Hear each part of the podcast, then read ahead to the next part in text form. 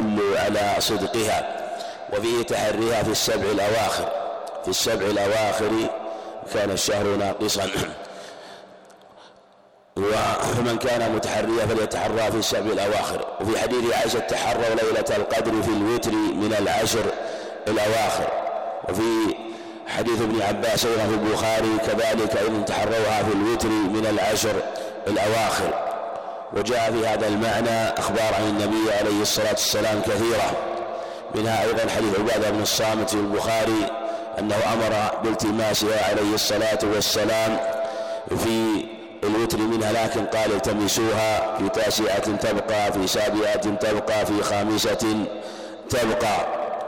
وجاء في حديث في حديث عند مسلم أنه عليه الصلاة والسلام لما سئل عن ليلة القدر قال بين أو جاء سأله بعض الصحابة رضي الله عنهم عن ليلة يكون فيها في مسجده فأمره بليلة ثلاث بليلة ثلاث وعشرين وهي ليلة وتر. في الصحيحين من حديث سعيد الخدري رضي الله عنه أنه عليه الصلاة والسلام اعتكف العشر الأوسط ثم اعتكف العشر الأخير. وفي مسلم أنه اعتكف الشهر كله عليه الصلاة والسلام قبل أن يخبر بليلة القدر وأنها في العشر الأواخر وأنه التمسها في العشر الأول ثم العشر الأوسط ثم أخرج رأسه من القبة فقال إن الذي تطلبون أمامكم فمن كان معتكفا فليعتكف معي. وأخبرهم أنها في العشر الأواخر وقال عليه الصلاة والسلام أريت أني أسجد ليلتها أو صبيحتها في ماء وطين. قال أبو سعيد رضي الله عنه فمطرت السماء وكان المسجد مبنيا بالجذوع وسقفه الجريد فمطرت السماء فخر السقف فنزل الماء في مسجد النبي عليه الصلاة والسلام.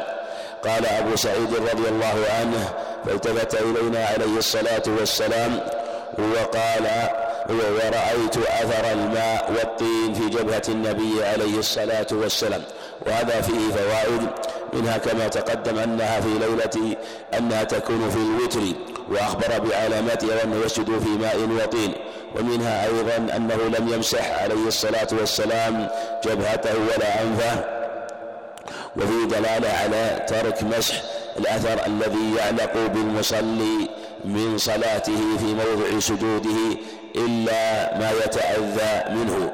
والصحيح أن ليلة القدر تكون في الوتر وتكون في الشفع وجاء أنها في ليلة أربع وعشرين وفي الأحاديث التي فيها التي يلتمسوها في العشر الأواخر من رمضان. ثم جاء التماسها في الوتر بمعنى أنها أرجى وأنها تكون في الوتر وفي الأشفاع. من ليلة واحد وعشرين إلى ليلة الثلاثين في عشرة أيام لكنها تتحرى في الوتر منها في الوتر منها ليلة واحد وعشرين وثلاث وعشرين وخمس وعشرين وسبع وعشرين وتسع وعشرين وكذلك أيضا وكذلك أيضا تكون في الأشفاع من ثنتين ليلة ثنتين وعشرين إلى ليلة ثلاثين. لكنها أرجى في ليلة الأوتار وهي متنقلة وهي متنقلة على الصحيح كما دلت عليه السنة من قوله عليه الصلاة والسلام. قوله عن أبي سعيد رضي الله عنه أن رسول الله صلى الله عليه وسلم كان يعتكف العشر الأوسط من رمضان فاعتكف عاما وهذا هذه رواية الصحيحين أن اعتكف العشر الأوسط من رمضان حتى إذا كانت ليلة إحدى وعشرين وهي الليلة التي يخرج من صبيحتها من اعتكافه قال من اعتكف معي فليعتكف العشر الأواخر. فقد أريت هذه الليلة ثم أنسيتها وقد رأيتني أسجد في ماء وطين من صبيحتها فالتمسوها في العشر الأواخر والتمسوها في كل وتر. وهذا واضح وبين في قوله فالتمسوها في العشر يعني عموما والتمسوها في كل وتر يعني أنه يتأكد التماسها في الوتر فهي أرجى في هذه الليلة. وقوله إني أنسيت هذا من رحمة الله سبحانه وتعالى حتى يكون الاجتهاد والجد في جميع ليالي العشر الأواخر من رمضان. فمطرت السماء تلك الليلة كما تقدم. كان المسجد على عريش فوقف المسجد يقول فأبصرت عينا يقول أبو سعيد رضي الله عنه فأبصرت عينا يا رسول الله صلى الله عليه وسلم وعلى جبهته أثر الماء والطين وهو تحقيق ما أخبر به عليه الصلاة والسلام في رؤياه ورؤيا الأنبياء كما قال بعض السلف وحي وليس بحديث مرفوع لكن وقد وهم بعضهم وقد عزاه إلى مسلم. لكن معناها لكن المعنى صحيح في رؤيا الأنبياء وأنه وحي من صبح من صبح, من صبح إحدى وعشرين. باب الاعتكاف. الاعتكاف هو حبس النفس على طاعة الله سبحانه وتعالى في مسجد من المساجد. عن عائشة رضي الله عنها ويشترط أن يكون تقام فيه الجماعة. عن عائشة رضي الله عنها أن رسول الله صلى الله عليه وسلم كان يعتكف العشر الأواخر من رمضان. كان هنا تدل على المداومة لأن هذا هو لأن هذا هو ما يفعله عليه الصلاة والسلام وهو الاعتكاف من كل عام. حتى توفاه الله يعني استمر هذا الأمر حتى آخر رمضان صامه عليه الصلاة والسلام. حتى توفاه الله عز وجل ثم اعتكف أزواجه بعده. إشارة إن إلى أن هذا الأمر باق وأن أصحابه كانوا يعتكفون ولهذا قالت عائشة ثم اعتكف أزواجه بعده. فإذا كان أزواجه اعتكفنا بعده عليه الصلاة والسلام وهن نساء فالرجال من باب أولى في تأكد الاعتكاف إذ قد علم أن الصلاة أن صلاة المرأة في بيتها أفضل. فلما اعتكفنا رضي الله عنهن بعد دل على بقاء الأمر وتأكده وإن كان اعتكافهن ثابت في الصحيحين أيضا حيث ضربنا القبب واعتكفنا في حياته عليه الصلاة والسلام واعتكفنا معه يعني أردنا ذلك أردنا ذلك وهو لما رأى القبب قال آل بر يردنا وفي لفظ أترون بهن البر فأمر بتلك القبب أن تنقض. وفي لفظ يعني وفي لفظ لهما للشيخين كان رسول الله صلى الله عليه وسلم يعتكف في كل رمضان في كل رمضان يعني في كل شهر من كل شهر من كل عام في رمضان فإذا صلى الغداة أي الفجر جاء مكانه الذي الذي اعتكف فيه. وفي لفظ فإذا صلى الغداة دخل معتكفه. وهذا مما وقع فيه الخلاف بين أهل العلم. في قوله فإذا صلى الغداة فإذا صلى الغداء مكانه الذي اعتكف فيه. وفي لفظ فإذا صلى الغداة دخل معتكفه. والجمهور يقولون إن المعتكف إن المعتكف يدخل معتكفه قبل غروب الشمس. من أراد أن يعتكف العشر الأواخر من رمضان فإنه لا يحصل له الاعتكاف حتى يدخل ما يحصل الاعتكاف إلا إذا دخله قبل غيب الشمس وإلا فلو دخله بعد صلاة الفجر من ليلة 21 في الحقيقة لم يعتكف ليلة 21 وذهب بعض السلف يروى عن جمع منهم إلى أن الاعتكاف اعتكاف العشر يكون بعد صلاة الفجر من الفجر من 21 على هذه الرواية وما جاء في معناه. والصواب قول الجمهور لأن قولها إذا صلى الفجر دخل معتكفة أي دخل مكانه الذي يعتكف فيه أو المكان الذي يتخلى فيه. ليس المعنى دخل معتكفا أنه نوى الدخول في الاعتكاف وقبل ذلك لم يكن معتكفا.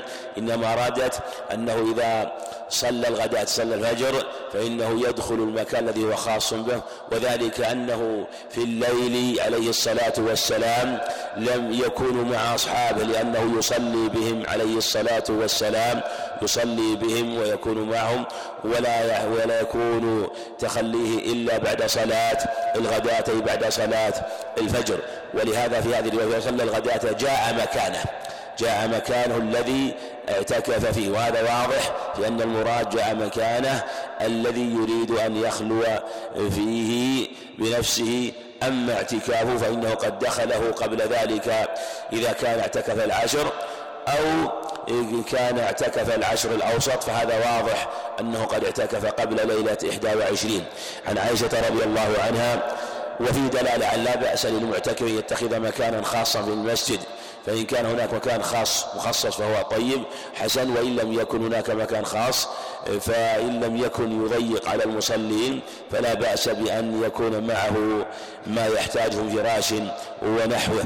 عن عائشة رضي الله عنها أنها كانت ترجل النبي صلى الله عليه وسلم وهو وهي حائض وهو معتكف في المسجد وهي في حجرتها يناولها يناولها رأسه. يناولها رأسه. يقول مصنف الترجيل تسريح الشعر.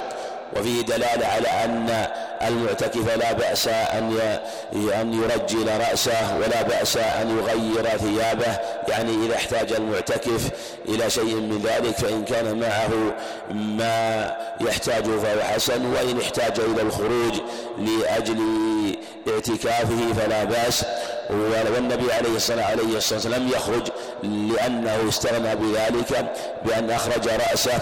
وكانت ترجله أي تمشطه رضي الله عنها وفيما تقدم أن المعتكف إذا أخرج رأسه فلا يخرج من معتكف معتكفه وهو معتكف في المسجد وهي في حجرتها وهي في حجرتها يناولها رأسه يعني من كوة في المسجد من كوة في المسجد. زاد أحمد والنساء فأغسل رأسه وسائره في المسجد. يعني زيادة أنها تغسل رأسه أيضا أنها تغسل رأسه مع ترجيل لأنه مع اعتكاف عليه الصلاة والسلام وتخليه مع شدة الحر فإنها تسرحه وتمشطه وأيضا تغسله بشيء من الماء. وفيه كما تقدم أن مثل هذا لا بأس به للمعتكف ولأنه ينشطه ويقويه على الاعتكاف. وفي دليل كما تقدم أن الاعتكاف يكون في المساجد. وفي قوله تعالى وأنتم عاكفون في المساجد. دليل على هذا لأنه كأنه سيق مساق القيد للاعتكاف في المسجد. وفي رواية وكان لا يدخل البيت إلا لحاجة الإنسان. هذه الرواية ليست للبخاري هذه لمسلم. رواية البخاري وكان لا يدخل البيت إلا لحاجة. أطلق الحاجة ومسلم زاد الإنسان. وهذا واضح لأنها قيد لأجل البيان لحاجة الإنسان للخلاء وكذلك يدخل في حاجة الإنسان إذا أراد طعاما أو شرابا. ولم يكن متيسرا في المسجد أو كان يحتشم من ذلك لسبب من الأسباب فلا بأس أن يذهب إلى البيت ويتناول حاجته ويكون باطمئنانه ولا يستعجل. وفي رواية أن عائشة وهذه الرواية لمسلم رحمه الله رضي الله عنها قالت إن كنت لأدخل البيت للحاجة والمريض فيه فما أسأل عنه إلا وأنا مارة. وفي دليل على أن المعتكف لا ينشغل بغير اعتكافه وأنه لا بأس أن يمر يزور المريض إذا كان على طريقه وأن يسأله لا بأس بذلك.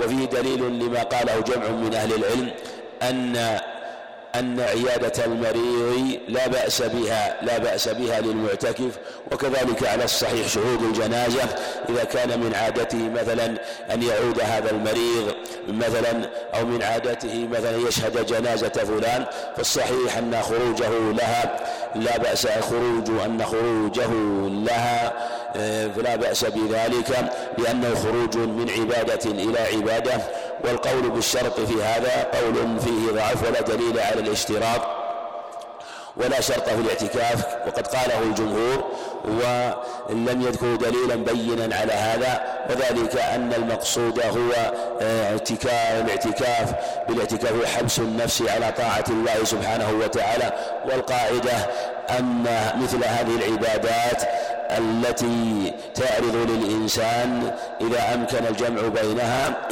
فلا بأس بذلك. لكن ليس معنى ذلك أنه يخرج لكل جنازة ويخرج لكل مريض لكن يخرج المريض الذي هو من عادته أن يزوره أو يحتاج إلى زيارته. أما ما يكفيه غيره في هذه الحالة فإنه يخلو بنفسه ولا يخرج وخاصة إذا كان الاعتكاف يوما أو يومين فمثل هذا لا يحتاج إلى إلى إلى مثل هذا.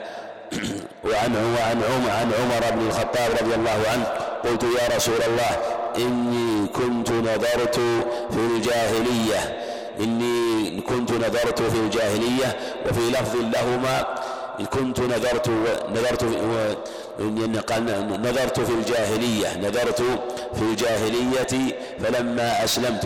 في رواية لمسلم قال نذرت في الجاهلية فلما أسلمت. يعني سأل عن ذلك النبي عليه عن ذلك النبي عليه الصلاة والسلام.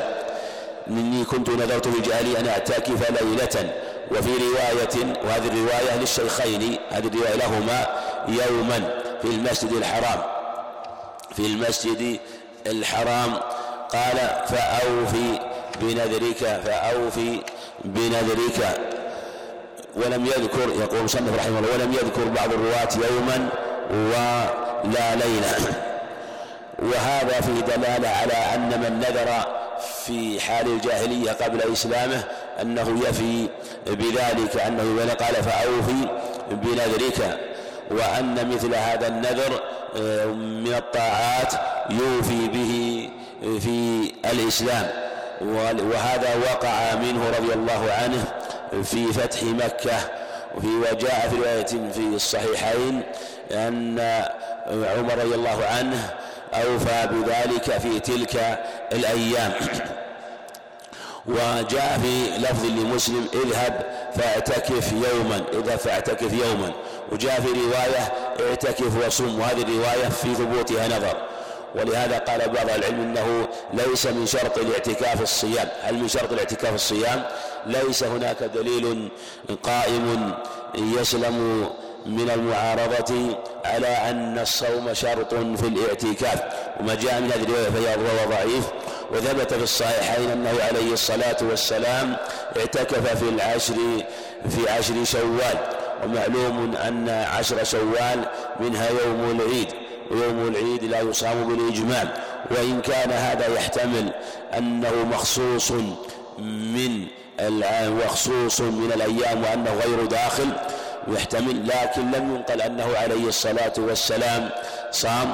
والأصل في مثل هذا أنه لا تكليف أو لا يقال إن هذا مشروع إلا بدليل بين. عن صفية بنت حيي رضي الله عنها زوج النبي عليه الصلاة والسلام توفيت سنة خمسين أو واحد وخمسين من الهجرة قالت كان النبي صلى الله عليه وسلم معتكفا في المسجد يعني في رمضان فأتيته أزوره ليلا. في دلالة على لا بأس من زيارة المعتكف أن يزوره أهله أو زوجته أو أولاده لا بأس بذلك. وفي دليل على حسن عشرته صلوات الله وسلامه عليه. وأنه وأنهن كن يزورنه وهو معتكف صلوات الله وسلامه عليه. وأن مثل هذا الحديث الذي يجري بين الرجل وأهله لا بأس به.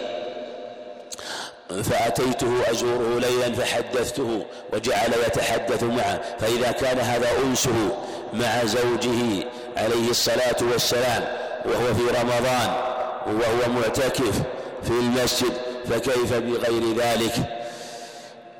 فأتيت أزوره ليلا فحدثته ثم قمت لأنقلب أي لأرجع إلى بيتي فقام معي ليقلبني. اللهم صل على يعني أنه رجع معها عليه الصلاة والسلام ولم يدعها ترجع وحدها. وفيه دليل على أمر الصيانة والعناية يعني أنه لم يتركها وحدها ترجع.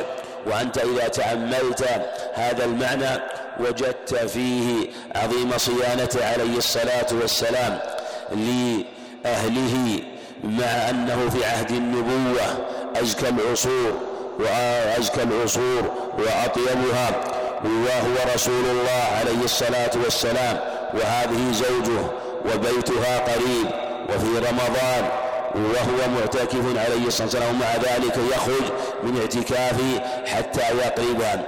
وأيضا من المعاني حتى لا تستوحش فقام معي ليقربني وكان مسكنها في دار أسامة بن زيد.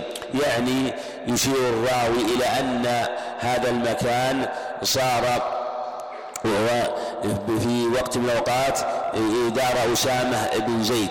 ليس المعنى دار أسامة بن زيد في ذلك الوقت لكن الراوي لأنه صار بعد ذلك بعد وفاته عليه السلام وبعد وفاته دار أسامة بن زيد فمر رجلان من الأنصار. بالنبي عليه الصلاة والسلام فرأياه فلما رأى يا رسول الله صلى الله عليه وسلم أسرع يعني حتى لا يبصرهما لأنه معه زوجه. كل ذلك إجلالا للنبي عليه الصلاة والسلام. فقال النبي عليه الصلاة والسلام على رسلكما على رسلكما. إنها صفية بنت حيي فقال سبحان الله يا رسول الله. فقال سبحان الله. قال عليه الصلاة والسلام إن الشيطان يجري من ابن آدم مجرى الدم. في لفظ لمسلم عن أنس إن الشيطان يبلغ من ابن آدم مبلغ الدم. وإني خشيت أن يقذف في قلوبكما شرا أو قال شيئا. فيه العيان عناية بدفع وساوس الشيطان وفيه دفع المعتكف عن نفسه واحترازه بذلك. وقد بوب البخاري رحمه الله على شيء من هذا.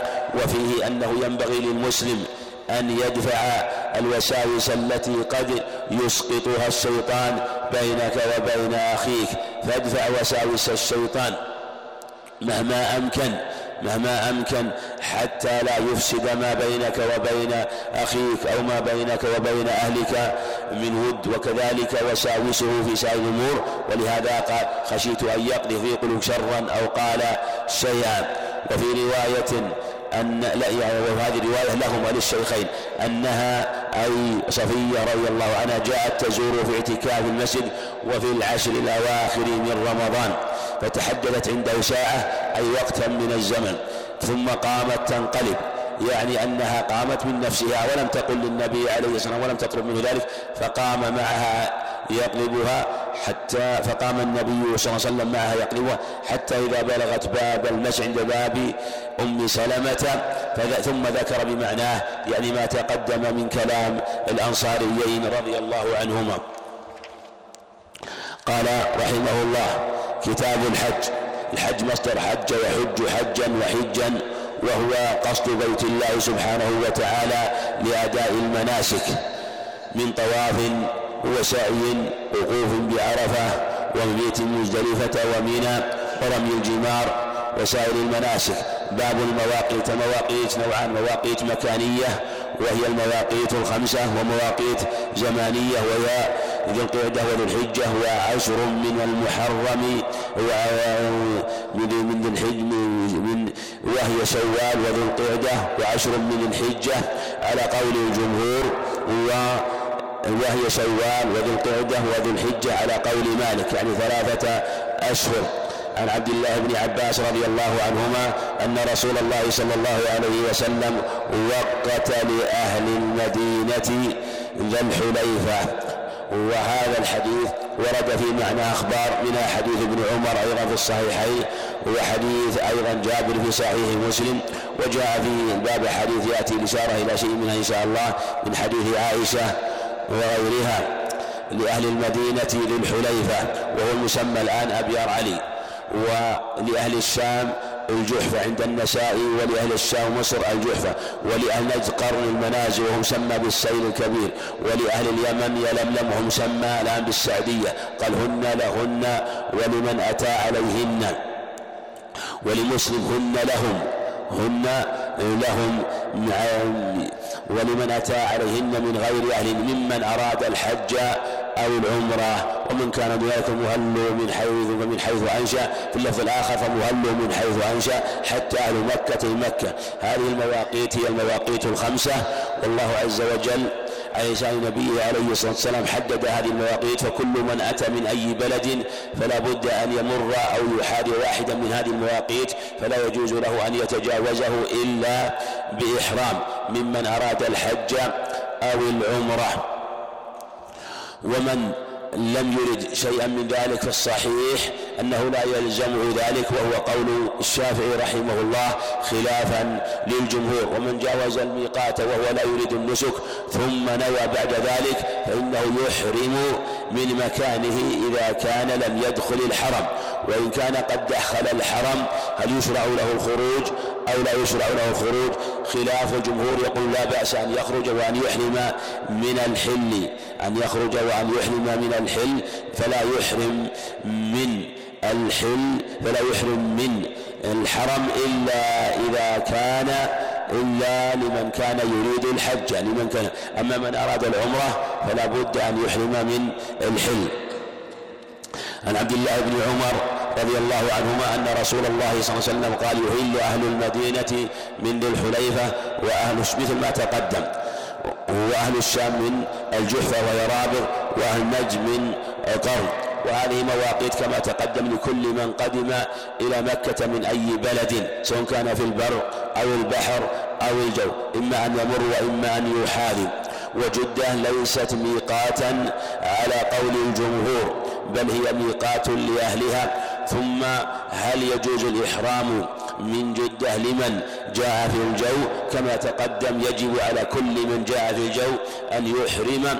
قبل أن يصل إلى جدة بحسب جهة التي قدم منها فإن كان يحاذي السيل يحرم من السيل وإن كان يحاذي رابغا فإنه مثل أن يأتي من شمال جدة فإنه يحرم من رابغ. وإن كان يحاذي السعدية مثل من يأتي من جهة الجنوب فإنه يحرم ونص بعض أهل العلم أن بعض من يأتي قصدا إلى من جهة الغرب إلى جدة ويقصد جدة قصدا فإنه لا يحاذي أي ميقات حتى يصل إلى جدة وهذا في أهل سواكن من السودان. وقد قال علماؤهم هناك إننا لا نحاذي ميقاتا حتى نصل إلى جدة وهذا وهذا ميقات لهم. وقد قرر هذا مجمع الفقه في جلسة له وقرر هذا القول وهذا هو الأظهر في هذه المسألة.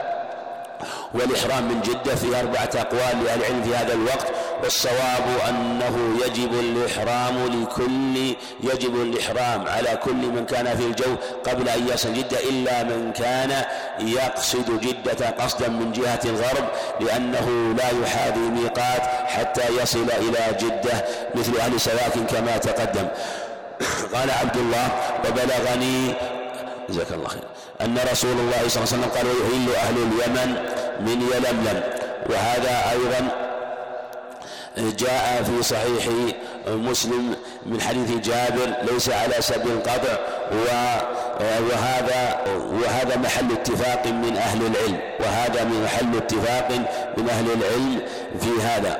وذات عرق هل هي ميقات ليست ميقات؟ روى أبو داود والنسائي من حديث عائشة رضي الله عنها أن النبي عليه الصلاة والسلام وقت ذات عرق لأهل العراق. وجاء أيضا عند الترمذي وغيره من حديث العباس أنه وقت العقيق لكنها رواية ضعيفة من طريق يزيد بن أبي زياد الهاشمي وهو ضعيف.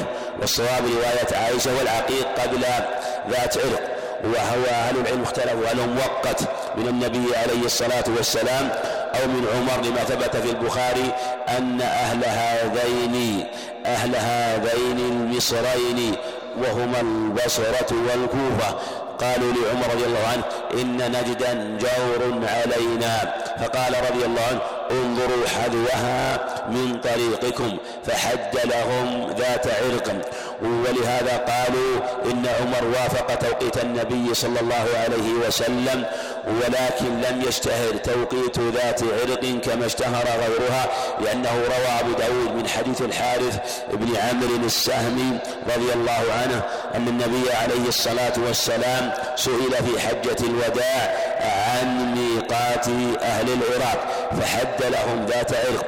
فهذا الخبر يدل على أن توقيت ميقات أهل العراق كان في آخر حياته ولم يشتهر ولم يعرف كغيره من المواقيت. وهذا هو السبب الذي حصل به الذي وهذا هو السبب الذي خفي جعله يخفى على عمر رضي الله عنه لأنه لم يشتعر وعمر رضي الله عنه مسدد له موافقات وإصابات. نزل القرآن على وفقها معلومة في الأخبار الصحيحة النبي عليه الصلاة والسلام. باب ما يلبس المحرم من الثياب. عن عبد الله بن عمر رضي الله عنهما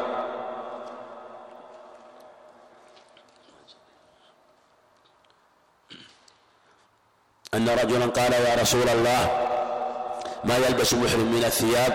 قال لا يلبس القمص. المعنى أن المحرم قال ما يلبس المحرم الثياب؟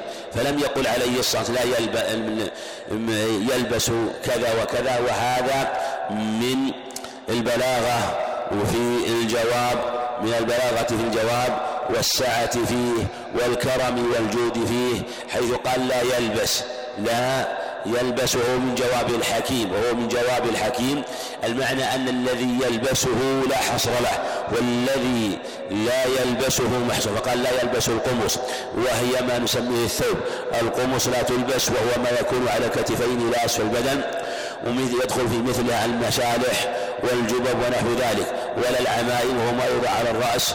ولا السراويلات وهي ما يلبس في وسط البدن وأسفل. يعني ما يستر أسفل البدن ولا البرانس وهي الثياب التي رؤوسها منها رؤوس رؤوسها منها يكون رأسها ملتزم يكون ملتزقا بها. وهي كما ذكر العلماء كثيرا ما تكون من ملابس المغاربة ولا الخفاف وهي ما يغطي الكعبين. إلا أحد لا يجد نعلين فليلبس خفين وليقطعهما أسفل من أسفل من أو من أسفل الكعبين. وهذا منسوخ على الصحيح بحديث عبد الله بن عباس وحديث جابر أنه عليه الصلاة والسلام قال في حجة الوداع في خطبته في عرفة ومن لم يجد الخف من لم يجد النعلين فليلبس الخفين ولم يقل فليقطعهما وحديث عبد الله بن عمر جاء في رواية عند أحمد أنه قاله لما خطب الناس وهو يخطب الناس على المنبر أنه قاله يعني بالمدينة. أما حديث ابن عباس وقبل بعد ذلك في عرفة وقد حضر خطبته من لم يحضر في المدينة. فلهذا لا يقول لا يقال إنه مقيد. لا يقال إن حديث ابن عباس وجابر مقيد بحديث ابن عمر لأن من شرط تقييد المطلق الا يلزم منه تأخير البيان عن وقت الحاجة. وهذا يلزم منه ذلك لأنه لا يمكن يقال لمن حضر معه في عرفة وسمع خطبته ولم يسمع خطبته في المدينة وهم أعداد كثيرون ممن لحق به عليه الصلاة والسلام بعدما توجه إلى مكة في الطريق. وهم كثير. وكذلك من لحق به بعدما وصل إلى مكة قبل الحج ومن لحق به بعد ذلك لما بدأ حج عليه الصلاة والسلام فلا يقال ولا يحال هؤلاء على ما قاله عليه الصلاة والسلام بالمدينة. وهذا أمر لا يمكن ويلزم منه تأخير البيان عن وقت الحاجة وبهذا لا يحمل هذا المطلق على المقيد لاستلزامه ما تقدم. قال ولا يلبس شيئا من الثياب مسه زعفران أو ورس وهو نبت يتطيب به. والمعنى أيضا أنه يجتنب الزعفران والورس في حال إحرامه والعصفر يجتنب الرجل التزعفر في الحق منهي عن الرجل مطلقا نهى أن يتزعفر الرجل مطلقا حتى ولو كان حلالا لكنه حال الإحرام آكد. وكذلك حديث ابن عبد كذلك السراويل. من لم يجد إزارا فليلبس السراويل ويلبسها ولا يفتقها. فمن كان مثلا في الطائرة وأراد الإحرام ونسي إحرامه أو كان في متاعه في الطائرة وليس قريبا منه في مخزن الطائرة. فإنه إذا يخلع مثلا ما تيسر من القميص ولا بأس أن يلبس السراويل ولا فدية عليه. وللبخاري ولا تنتقم المرأة ولا تلبس القفاز المعنى أن المرأة تلبس ما شاءت من الثياب. ولا تنتقب ولا تلبس القفازين. فالمرأة كالرجل في جميع محظورات الإحرام في جميع إلا في باب اللباس فإنها لا تنتقب ولا تلبس القفازين. ولا بأس أن تغطي وجهها وأن تغطي يديها لأنه لا يسمى تنقبا لا يسمى فالمرأة فالمرأة وجهها كبدن الرجل لا كرأسه فكما أن الرجل لا يغطي بدنه بما صنع له فالمرأة لا تغطي وجهها بما صنع له ولا بأس أن تغطي وجهها بالخمار. فهي لم تنهى عن الخمار إنما نهيت عن النقاب. ولهذا لو غطت يديها بالعباءة أو بالخمار الذي يكون على يكون على رأسها فلا بأس بذلك. عن عبد الله بن عباس رضي الله عنهما قال سمعت رسول الله صلى الله عليه وسلم يخطب بعرفات. هذا فيه كما تقدم أن خطبته في ابن عباس بعرفات. فقال من لم يجد؟ النعلين يعني والنعلان هما اللذان يلبسهما المحرم مهما كان نوعهما.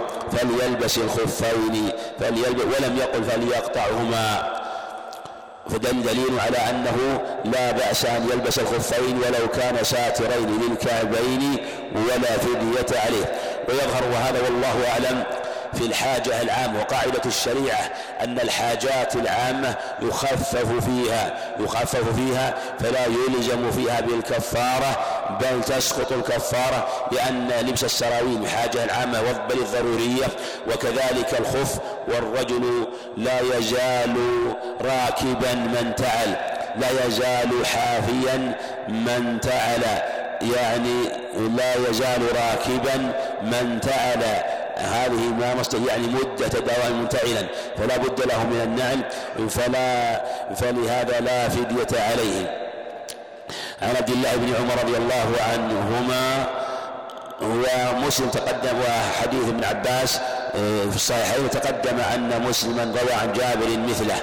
عن عبد الله بن عمر رضي الله عنه أن تلبية رسول الله صلى الله عليه وسلم لبيك اللهم لبيك لبيك لا شريك لك لبيك لبيك أي إجابة بعد إجابة. من الإلباب من الإلباب. وهو دوام الملازمة. وهو أو من قولهم داري تلب بداره أي تقابله. وهذه كل معنى لا يستلزم مناقضة المعنى الثاني يصح. فالمعنى أني مداوم على طاعتك ملازم لها. لبيك اللهم لبيك لبيك لا شريك لك لبيك. أن أو إن قيل أن وقيل إن على الاستئناف. وهو أحسن والمعنى أنه يلبي لأن الحمد له على كل حال سبحانه وتعالى. ليس لأن الحمد في هذه الحال في وقت التلبية إن الحمد والنعمة لك والملك لا شريك لك. وفي الصحيحين عن عائشة مثل حديث ابن عمر وكذلك في صحيح مسلم من حديث جابر ثبت أن الصحابة رضي الله عنهم كانوا يصرخون بها. وهذا أيضا ثبت في عدة أخبار أنه عليه الصلاة والسلام قال حديث زيد بن خالد الجهني أنه عليه الصلاة قال إن جبريل أتاني فأمرني أمر أصحابي أن يرفعوا أصحاب يرفعوا أصواتهم بالتلبية. وكان الصحابة يرفعون أصواتهم وكان ابن عمر يسمع ما بين الجبلين وكان يلازمها حتى يبح رضي الله عنه والمحرم يجتهد المداومة عليها على وجه لا يحصل عليه المشقة وقال وكان عبد الله بن عمر يزيد فيها لبيك لبيك وسعديك والخير بيديك والرغباء إليك والعمل. والنبي عليه الصلاة والسلام كما قال جابر صحيح مسلم يسمع الناس يزيدون. ولم ينكروا عليهم ولزم النبي صلى الله عليه وسلم تلبيته. عن أبي هريرة رضي الله عنه قال قال رسول الله صلى الله عليه وسلم لا يحل يعني أنه يحرم عليها نفي الحل يستلزم إثبات التحريم لامرأة تؤمن بالله واليوم الآخر. وقوله تؤمن بالله واليوم الآخر هذا من باب الحث من باب الحث على هذا العمل. ولأن التي تؤمن بالله واليوم الآخر هي التي تلتزم بهذا العمل وهي التي تقوم به وهي التي تمتثل وإلا فعند أهل العلم حتى المرأة المشركة لا يجوز لها أن تسافر لا يجوز لها أن تسافر لأن الكفار على الصحيح مخاطبون بفروع الشريعة خلافا للأحناف فكما أنه يجب عليها الإيمان بالله والإسلام فلا يجوز لها فلا يجوز لها شرب الخمر والزنا والغيبة والنميمة والكذب وقطيعة الرحم وكذلك لا يجوز لها أن تسافر بغير محرم. وقد يقول قائل ماذا تستفيد؟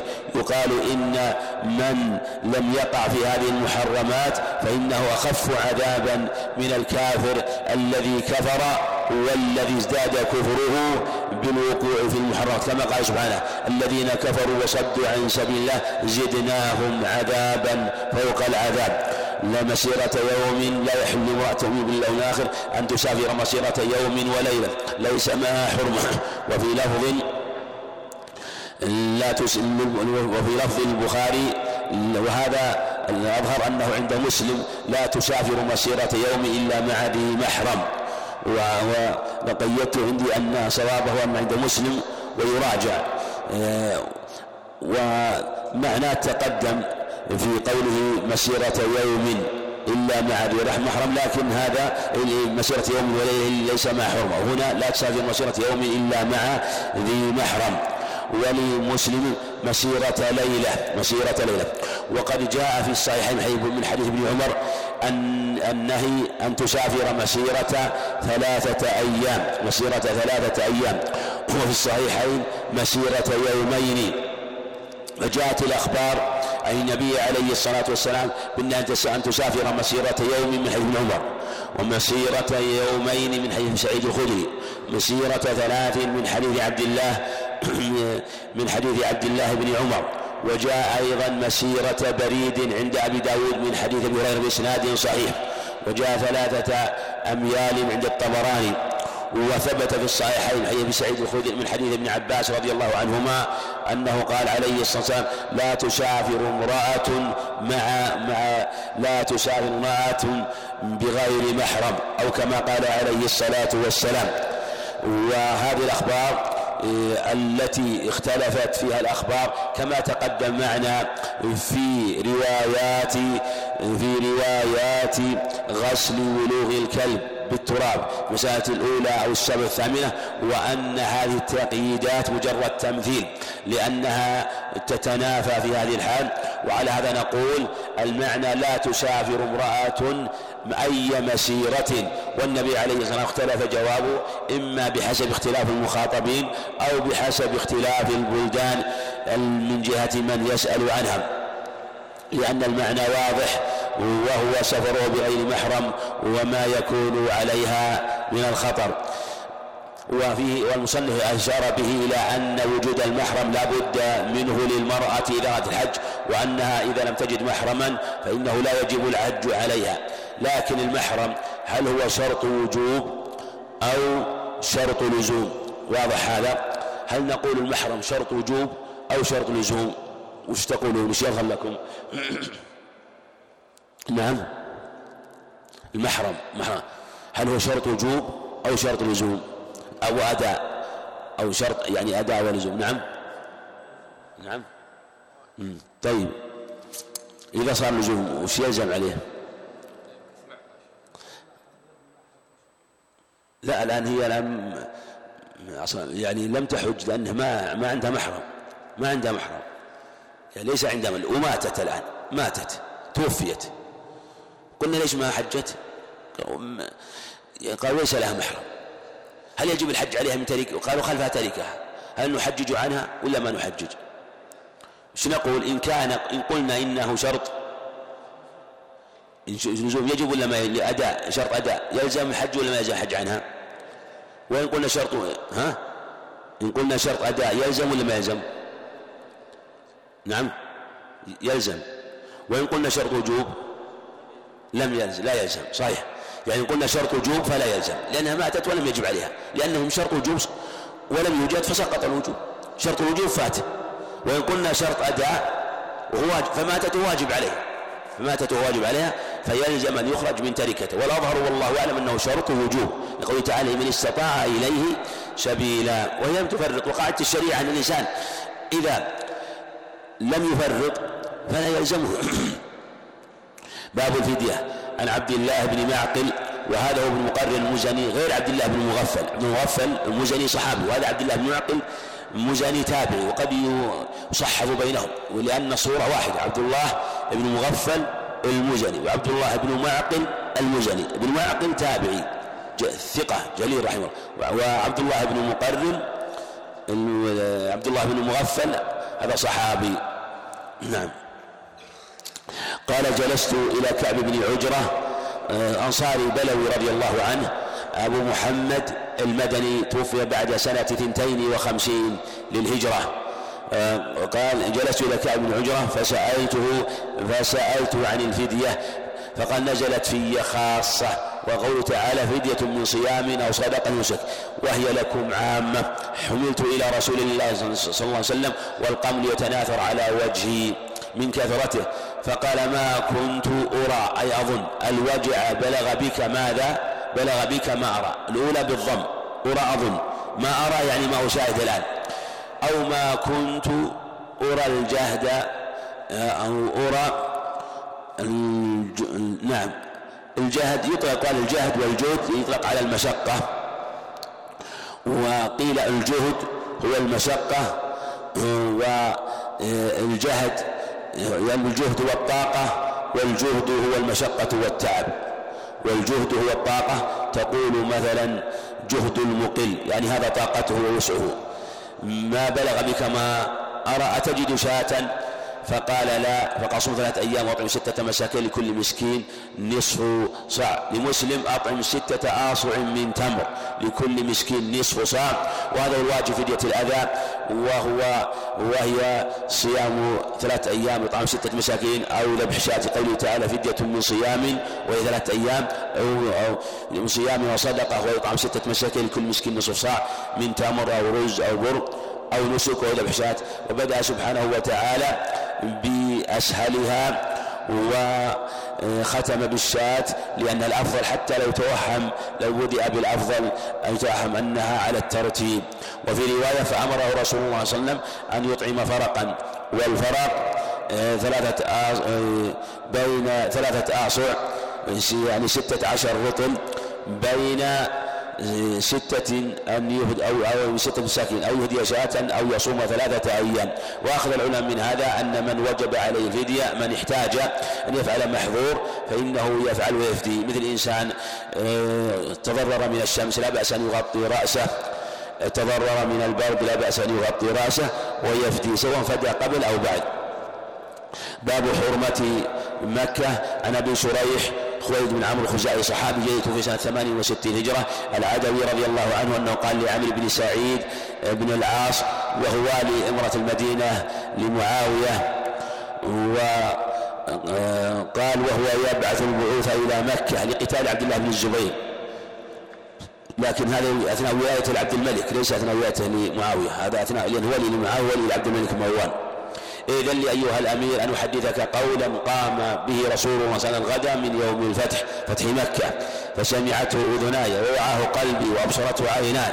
لتحققه رجله فيه دلالة على الوعي والانتباه للعلم حتى لا يخطئ فيه. حين تكلم بأنه حمد الله وأثنى عليه. دلالة على أن الحمد والثناء في كل خطبة كما تقدم. ثم قال إن مكة حرمها الله. تعالى ولم يحرمها الناس. وثبت أيضا في أخبار أخرى عنه عليه الصلاة والسلام إن مكة حرم الله تعالى ولم يحرم الناس وجاء إن إبراهيم حرم مكة في الصحيحين أيضا والمعنى أنه حرمها بتحريم الله سبحانه وتعالى. أنه حرمها بتحريم الله عز وجل بتحريم الله سبحانه وتعالى كما حرمها بتحريم الله عز وجل حرمها إبراهيم عليه الصلاة والسلام.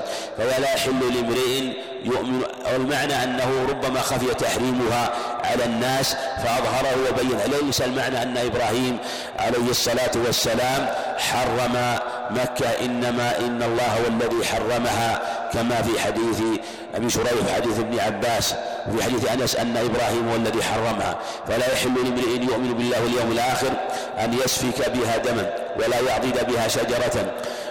وهنا مسائل تتعلق بإقامة الحدود ذكر أهل العلم وخلاف تفصيل في هذه المسألة لكن من انتهك حرمة الحرم فإنه يقام عليه لأنه تسقط حرمته فلا حرمة له ولا يعضد بها شجرة أن يقطع بها شجرة فإن إلا ما يكون مؤذيا كشوك ونحوه مما يؤذيك. أما ما لا فلا يجوز ولو كان شوكا. فإن أحد ترخص فيها ترخص بقتال رسول الله صلى الله عليه وسلم يعني في بعض نواحيها في يوم فتح مكة فقولوا إن الله قد أذن لرسوله عليه الصلاة والسلام ولم يأذن لكم وإنما أذن ساعة من نهار وقد وقد عادت حرمتها اليوم كحرمتها بالأمس والمراد بالأمس جميع أيام الدنيا ليس أمس بالغد. لأن الأمس إذا عرف فالمراد جميع جميع الأيام التي قبل يومك. أو لكن إذا قلت أمسي فقد قلت مثلا حينما تقول بالأمس فالمراد ما قبل هذا اليوم. ما قبل هذا اليوم. وهو جميع أيام الدنيا لأنه كما في الصحيحين إن الله حرمها سبحانه وتعالى. إن الله حرمها وحرمتها باقية إلى أن تقوم الساعة. قال وإنما أذن لي ساعة من نهار الساعة ثبت عند أحمد رحمه الله أنها من طلوع الفجر إلى غروب الشمس. من أو أو من طلوع الشمس. من طلوع عندها من طلوع الشمس إلى إلى مغيبها. هذا هو الذي جاء تحديدها بهذا الوقت. إن الله قد أذن لرسوله عليه السلام ولم يأذن لكم إنما أذن ساعة من النار وقد عاد حرمة اليوم كحرمة الأمس فليبلغ الشاهد الغائب في تبليغ العلم. وربما بلغ نوعا من سنة. فقيل لأبي شريح ما قال؟ قال أنا أعلم بذلك منك يا أبا شريح إن الحرم لا يعيد عاصيا ولا فارا بدم ولا فارا بخربة وهذا من رد السنة. مثل هذا لا يجوز بل واجب أن يسمع ويطيع. وأن يقول سمعنا وأطعنا هذا قول أهل الإيمان وهذا هو الواجب. الخرب هذا اتفق عليه أيضا من حديث أبي هريرة. والخربة كما يقول بالخاء المعجمة والراء وهي الخيانة وقيل البلية وقيل التهمة وأصلها في سرقة الإبل. قال الشاعر والخارب اللص يحب الخارب يعني اللص يحب اللص لأنه يوافقه على فعلته.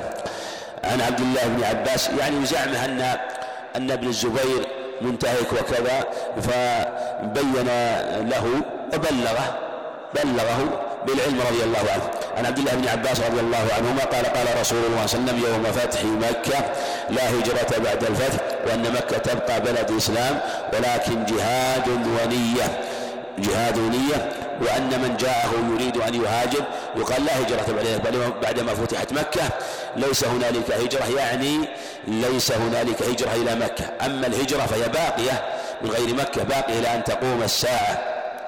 إنما قال ذلك عليه السلام في بعد فتح مكة ولمن أراد أن يبايع على الهجرة يقول لا هجرة بعد الفتح وإذا استنفرتم فانفروا. يعني للجهاد استنفرهم الإمام جاء فإنه يكون النفير عاما واجبا على العموم. وقال يوم فتح مكة إن هذا البلد حرمه الله يوم خلق السماوات والأرض حرام بحرمة الله إلى يوم القيامة. كما تقدم أيضا في حديث أبي شريح أنه بحرمة الله سبحانه وتعالى فهو حرام بحرمة الله إلى يوم القيامة وإنه لم يحل القتال في أحد قبل ولم يحل لي إلا ساعة من النهار فهو حرام بحرمة الله إلى يوم القيامة. كما لا يعرض شوكه يعني لا يكسر ولا ينفر صيده ولا يلتقط لقطته إلا من عرفها وهذا هو قول الجمهور خلافا لمالك رحمه الله أن لقطة الحرم لا تعرف لا تعرف يعني لا تملك بالتعريف لا تملك بالتعريف ويلحق به أيضا لقطة الحاج لحديث عثمان بن عبد الله التيمي عند مسلم لها عن لقطة الحج فإذا علمت أن هذه اللقطة لحاج فالصحيح أنها لا تعرف للتملك إذا وجدها في المدينة أو وجدها في الطريق بين مكة والمدينة أو وجدها في الطريق بين الطائف ومكة وغلب على ظني أنها لقطة حاج لدلالة من في الغلاف التي فيه. فالصحيح أنها كحرمة أن حكمها حكم لقطة الحرم. ولو اختلى خلاها يعني العشب الرطب اللين لا يقطع. فقال عباس يا رسول الله إلا الإذخر فإنه لقينه ميوت. فقال إلا الإذخر. يعني أنه لا بأس من قطعه لأجل آه، خلل في السقوف للبيوت وخلل يسد به خلل القبر عند دفن الميت. عن علي رضي الله عنه بن أبي رضي الله عنه قال أمرني النبي صلى الله عليه وسلم أن أقوم على بدنه التي أهداها عليه الصلاة والسلام وهي مئة بدنة بحيث علي فنحر منها سبعا وثلاثين ونحر النبي عليه الصلاة والسلام غبر وهو ثلاث وستون بدنة ونطق بلحمها وجلودها وأجلتها وهو الجلال الذي يوضع عليها حتى لا يتأثى ظهرها بالركاب والحين الجلوس عليه. وأن لا يعطي الجازر منها شيئا يعني يعطي الجازر منها في جزارتها. في أما يعطيه من باب الصدقة فلا بأس. يعني لكن لا تعطيه لا يعطي ولهذا لمسلم ولا يعطي في جزارتها منها شيئا. بينت رواية مسلم ولا يعطي الجزار منها شيئا أي لا يعطيه في جزارتها يعطيه أجرة منها. لكن لو أنك مثلا قاطعت الجزار على الأضحية ثم أعطيته حقه الذي قاطعته به ثم أعطيته شيئا من لحمه فلا بأس وكذلك في الهدي وكذلك سواء كان هدي تطوع أو هديا واجبا. باب ما يجوز قتله. عن عائشة رضي الله عنها يعني من الدواب عموما أن رسول الله صلى الله عليه وسلم قال خمس من الدواب خمس من الدواب كلهن فاسق. تأكيد فاسق. سميت فاسقة إما لخروجها عن سائر الدواب بحرمة أكلها أو لخروجها عن سائر الدواب بحل قتلها أو لخروجها عن سائر الدواب بفسقها وتعديها. وهذا أظهر لأن هذا الاسم المشتق يدل على ذلك. وتعليق الحكم بالاسم المشتق المناسب يدل على أن ما منه الاشتقاق علة للحكم. يعني من القواعد الأصولية تعليق الحكم بالاسم المشتق المناسب يدل على أن ما منه الاشتقاق علة أن ما من اشتقاق علة للحكم والفسق علة. فسقت الدابة أو فسقت خرجت عن طبع الدواب. ويقال فسقت الرطبة إذا خرجت من قشرها. ويقال في الفأرة فويسقة لخروجها عن طبع ما يدب في الأرض بفسادها. وهذا أظهر أن يقال هذا وعلى هذا يلحق بهذه؟ كل ما خرج بأذيته. وذكر العلماء أنواعا من آه، ما يشبهها وهو معلوم من هذه الحيوانات المؤذية.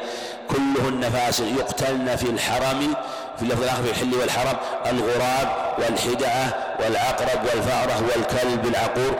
وهذا الخبر متفق عليه من حديث حفصة ومن حديث ابن عمر. وجاء في رواية ابن سعيد الخدري من حديث عند أبي داود ويرمي الكلب ولا يقتله. وهذه رواية ضعيفة والمراد بالكلب الكلب العقور ويدخل فيه الكلب العقور على يدخل فيه الأسد والنمر يدخل في الكلب يعني الكلب المعروف العاقل الذي يعقل ويدخل فيه من جهة الاشتقاق يدخل فيه الأسد والفهد والنمر وما أشبه ذلك مما يؤذي ويعتدي. ثبت في الصحيحين من حديث ابن مسعود رضي الله عنه قال كنا مع النبي عليه الصلاة والسلام فخرجت لنا حية فقال فقال عليه الصلاة والسلام أو أمرهم بقتلها فقاموا إليها فذهبت فقال وقيت شركم كما وقيتم شرها.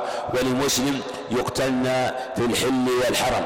ولمسلم زاد والغراب الأبقع والغراب الأبقع واستثنى بعض العلماء من الغربان. غراب يسمى غراب الزرع أو غراب الزرع وله صفة خاصة فهذا حكى بعضهم الاتفاق عليه فإن كان كذلك فيخرج لما ذكره العلم. باب دخول مكة. وذكر مصنف رحمه الله من جهة أن ليست مما يمنع المحرم من قتل لأنها تقتل في الحل والحرم. ومن ذلك أيضا ما يصول من الحيوانات. حتى ولو كان صيدا لو صال على الإنسان حيوان من الصيود فقتله لا شيء عليه لأن الصائل لا حرمة له. قال رحمه الله باب دخول مكة. وغيره. عن أنس بن مالك رضي الله عنه أن رسول الله صلى الله عليه وسلم دخل مكة عام الفتح وعلى رأس المغفر إشارة إلى أنه دخلها حلالا ولم يكن محرما. فلما نزعه جاهد بحي عمرو بن حريث وأنه خطب عليه الصلاة والسلام وعليه إمامه. فلم فلما نزع جاء رجل فقال ابن خطل متعلق بأستار الكعبة فقال اقتلوه في دليل على أن من هتك حرمة الحرم فلا حرمة له فيقتل مثل ما فعل بابن خطل وله أمور من آه، المنكرات والتعدي وإيذاء النبي عليه الصلاة والسلام وأصحابه وله قرينتان كان يحرضهما على هجاء النبي عليه الصلاة والسلام وأصحابه فعظم شره وكفره وفساده فلهذا لم يعيده الحرم. عن عبد الله ولا غيره. عن عبد الله بن عمر رضي الله عنهما أن رسول الله صلى الله عليه وسلم دخل مكة من كدا بالفتح كدا من فتح من الثنية العليا التي وضحى وخرج من الثنية السفلى. وجاء في الصحيحين من حديث عائشة أن النبي عليه الصلاة والسلام دخل مكة من أعلاها وخرج من أسفلها. ويقول أهل مكة افتح وادخل واضمم واخرج. يعني كدا وكدى كدا وكدى. والنبي عليه الصلاة والسلام لما دخل مكة يوم الفتح من أعلاها دخلها أيضا في الحج من أعلاها. وذلك أنه لما كان خارجا منها كان مختفيا عليه الصلاة والسلام خائفا من كفار قريش ودخل مكة فاتحا آمنا منتصرا عاليا لكنه دخلها متواضعا مطاطئا رأسه حتى إن لحية صلوات الله وسلامه لتصيب مورك رحلة. وقال حسان رضي الله عنه لما دخل لما أراد دخول مكة أدمت بنيتي إن لم تروها تثير النقع موعدها كداو فقال عليه الصلاة والسلام ادخلوها من حيث قال حسان وقال أبو سفيان لما دعي لما دعاه بعضهم إلى الإسلام لما دعاه العباس وكان صاحبا له قال ما الذي يمنعك؟ قال لا أسلم حتى تطلع الخيل منك داء. لا أسلم حتى تطلع الخيل قال ما الذي يحملك على هذا؟ قال شيء طلع في نفسي. وقال حسان ما قال؟ وقال النبي عليه الصلاة والسلام ادخلوها من حيث دخل حسان. فلما رأى أبو سفيان الأمر أسلم. وقال النبي عليه الصلاة والسلام كما في صحيح مسلم من دخل دار أبي سفيان فهو آمن. تقوية له على الإسلام ومعرفة لشأنه لما كان في الجاهلية وهكذا كان عليه الصلاة والسلام فأكرمه بذلك. وفيه دلالة على أنه عليه الصلاة والسلام خالف الطريق خالف الطريق وأنه قصد ذلك كما أنه عليه الصلاة والسلام كان إذا كان يوم عيد خالف الطريق لمصالح عظيمة ذكرها العلماء رحمة الله عليهم. عن عبد الله بن عمر رضي الله عنهما قال دخل رسول الله صلى الله عليه وسلم البيت وأسامة بن زيد وبلال وعثمان بن طلحة بلال بن رباح رضي الله عنه فأغلقوا عليهم الباب خشية يعني أن يشق على الناس. وأيضا ربما يبالغون في هذا فيظنون أنه من من الأمور المتعينة لمن يأتي إلى مكة. فلما فتحوا كنت أول من ولج يقول عبد الله بن عمر. فلقيت بلالا فسألت صلى فيه رسول الله صلى الله عليه وسلم. قال نعم بين العمودين اليمانيين. و سأل في الصحيح أنه سأل أسامة هل صلى؟ قال لم يصلي إنما كبر وكأنه عليه الصلاة والسلام لما دخل يغلق البيت وكان البيت غير مضاء فلم والنبي عليه الصلاة والسلام تقدم وصلى صلاة خفيفة وأسامة لعله انشغل وكان بلال مع النبي عليه الصلاة والسلام قريبا منه ولم يبصر ولم يعلم أسامة بصلاته وعلم ذلك بلال والمثبت مقدم على النافي دلالة لا بأس من الصلاة بالكعبة. دلالة على أن الصلاة في الكعبة كما تكون في النفل تكون في الفرض أيضا. وفي حديث رواه ابن خزيمة وجوده بعض العلم أنه عليه الصلاة والسلام قال من دخل البيت دخل في حسنة وخرج مغفورا له. لكن ليس دخول البيت من مناسك الحج ولا من أفعال العمرة. وليس خاصا به بواحد منهما كما أنه ليس وضع الصدر واليدين بين الباب والحجر من أعمال الحج. بل هذا كما نبه الإعلام القيم رحمه الله في أي وقت يأتي إلى مكة سواء قبل الحج أو بعد الحج وفي العمرة أو بعد العمرة قبلها أو في غير نسك فإنه عمل مستقل لا علاقة له بالنسك وإن كان في نسك فلا بأس. وهذا إذا تيسر. عن عمر رضي الله عنه أنه جاء إلى الحجر الأسود فقبله دلالة على مشروع تقبيل الحجر وقال إني لا أعلم أنك حجر. لا تضر ولا تنفع. ولولا أني رأيت النبي صلى الله عليه وسلم يقبلك ما قبلتك يعني أن المسألة على الاتباع لا الهوى والابتداع في دليل دلالة على أن الإمام والوالي يبين للناس الأمور التي قد يخشى أن يسري في النفوس شيء من أمر الشرك والجاهلية والبدع. كما أن الصحابة رضي الله عنهم وخاصة الخلفاء الراشدين كانوا رضي الله يحرصون على بيان السنة كما تقدم في قصة عثمان حيث بين وضوء النبي عليه الصلاة والسلام وعمر هنا رضي الله عنه يريد أن يسمع الناس وخاصة أن ربما أن بعضهم كان ممن لتوه أسلم والنفوس لم تكن بعيدة عن شرك وجاهلية فهي حديثة عهد بها فقد يسري إلى النفوس شيء من هذا فأراد قطع وساوس الشيطان كما أن النبي عليه الصلاة والسلام في حديث صفية المتقدم قال على رسلكما إنها صفية وفيه دلالة على العناية بهذا الأمر وسد الطرق والمفضية. والموصلة إلى شر وفساد.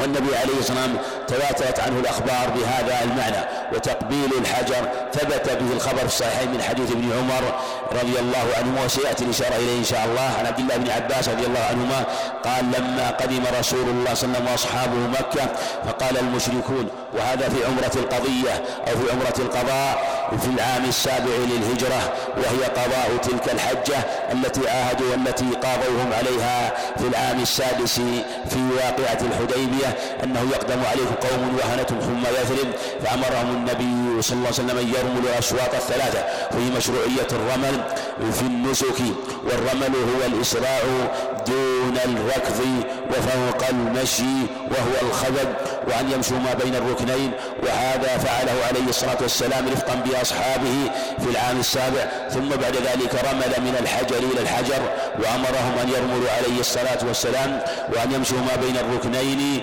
ولم يمنعهم أن يرملوا الأسواق كلها إلا الإبقاء عليهم حينما رآهم المشركون قالوا هؤلاء الذين قلتم فيهم كذا وكذا إنهم والله كأنهم الغزلان. يعني في خفتهم ونشاطهم رضي الله عنهم ترهبون به عدو الله وعدوكم. يعني أن هذا من باب الإرهاب لهم وإظهار القوة والجلد. وهذا من الرياء المحمود كما قال عمر رضي الله عنه إنما كنا راعين المشركين. قال على ما الرمل وكشف المناكب وقد أبطأ الله الإسلام وأهله. قال ولكن لكن أو ولكنه عمل عملناه مع النبي صلى الله عليه وسلم. فلا نحب أن نتركه.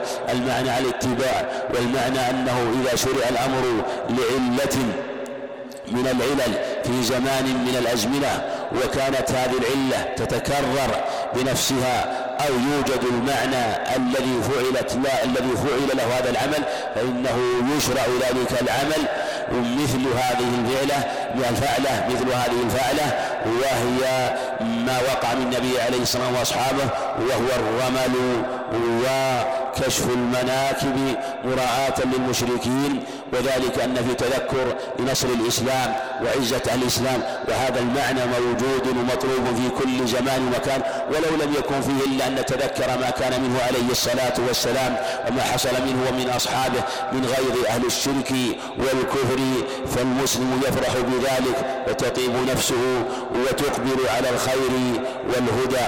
قال وعن عبد الله بن عمر رضي الله عنهما قال رأيت رسول الله صلى الله عليه وسلم حين يقدم مكة إذا استلم الركن. يعني أنه يشرع للحاج والمعتمر أن أول ما يبدأ يستلم الركن قبل أن يطوف وأن استلام الركن مشروع كما أن تقبيله مشروع. أول ما يطوف يخب يخب يخب ثلاثة أشواط أي هو الرمل. وهو كما تقدم المشي أو الإسراع الذي لا يكون ركضا. وثبت أيضا في عدة أخبار أنه عليه الصلاة والسلام كان يقبل يده من حديث ابن عمر في صحيح مسلم أنه مس الحجر وأنه مس الحجر وقبل يده وأخبر أنه فرأى النبي عليه السلام يقبل يده فمن لم يتيسر له تقبيل الحجر فإنه يمسه بيده ويقبل يده فإن لم يتيسر له إمساكه بيده فيفعل كما في حديث عبد الله بن عباس عن عبد الله بن عباس رضي الله عنهما قال طاف النبي صلى الله عليه وسلم في حجة الوداع على بعير. يستلم الركن بمحجن. المعنى وهي العصا المحنية وثبت في حديث الطفيل عن واثلة أنه عليه الصلاة والسلام استلم الحجر بمحجن وقبل المحجن فالحجر يشرع في هذه السنن. تقبيله ومسه وهل يشرع السجود عليه. روى الحاكم والبيهقي من حديث ابن عباس أن النبي عليه الصلاة والسلام سجد على الحجر. واختلف أهل الحديث هل هو موقوف أو مرفوع والأظهر والله أعلم أنه موقوف لأن الحديث رواه ابن جريج عن محمد بن عباد بن جعفر موقوفا على ابن عباس. ورواه جعفر بن عبد الله بن عثمان عن محمد بن عباد بن جعفر مرفوعا عن النبي عن ابن عباس مرفوع النبي عليه الصلاة والسلام. وابن جريج اوثق وأمتن من جعفر عبد الله بن عثمان فلهذا الأرجح أنه موقوف. فمن فعل هذا واقتدى ابن عباس فلا حرج. قد يقال إن مثل هذا لا يفعله ابن عباس إلا عن سنة فيكون باب المرفوع حكما.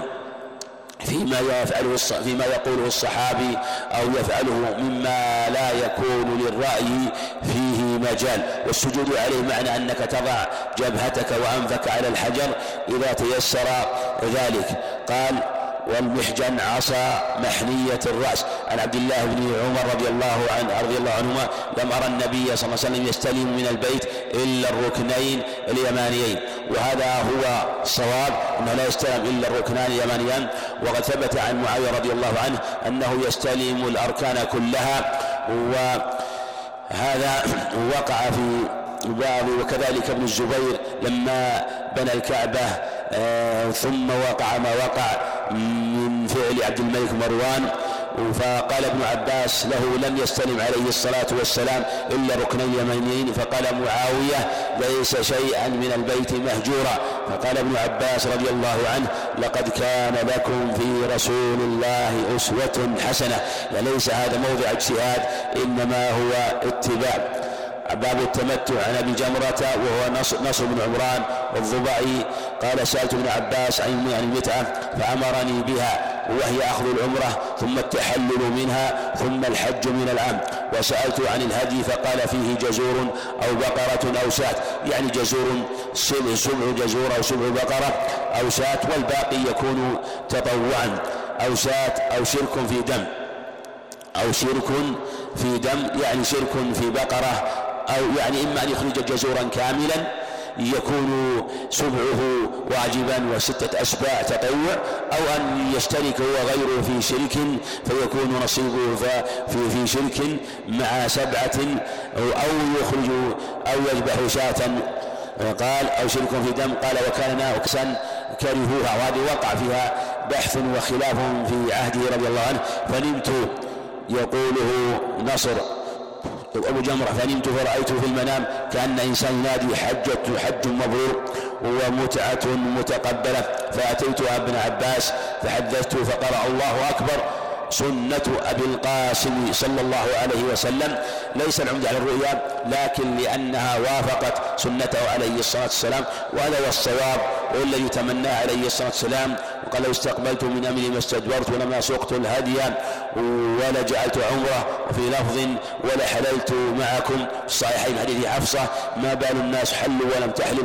قال إني قلدت هدي ولبت رأسي فلا يحل مني حرام حتى أحل يعني يوم النحر.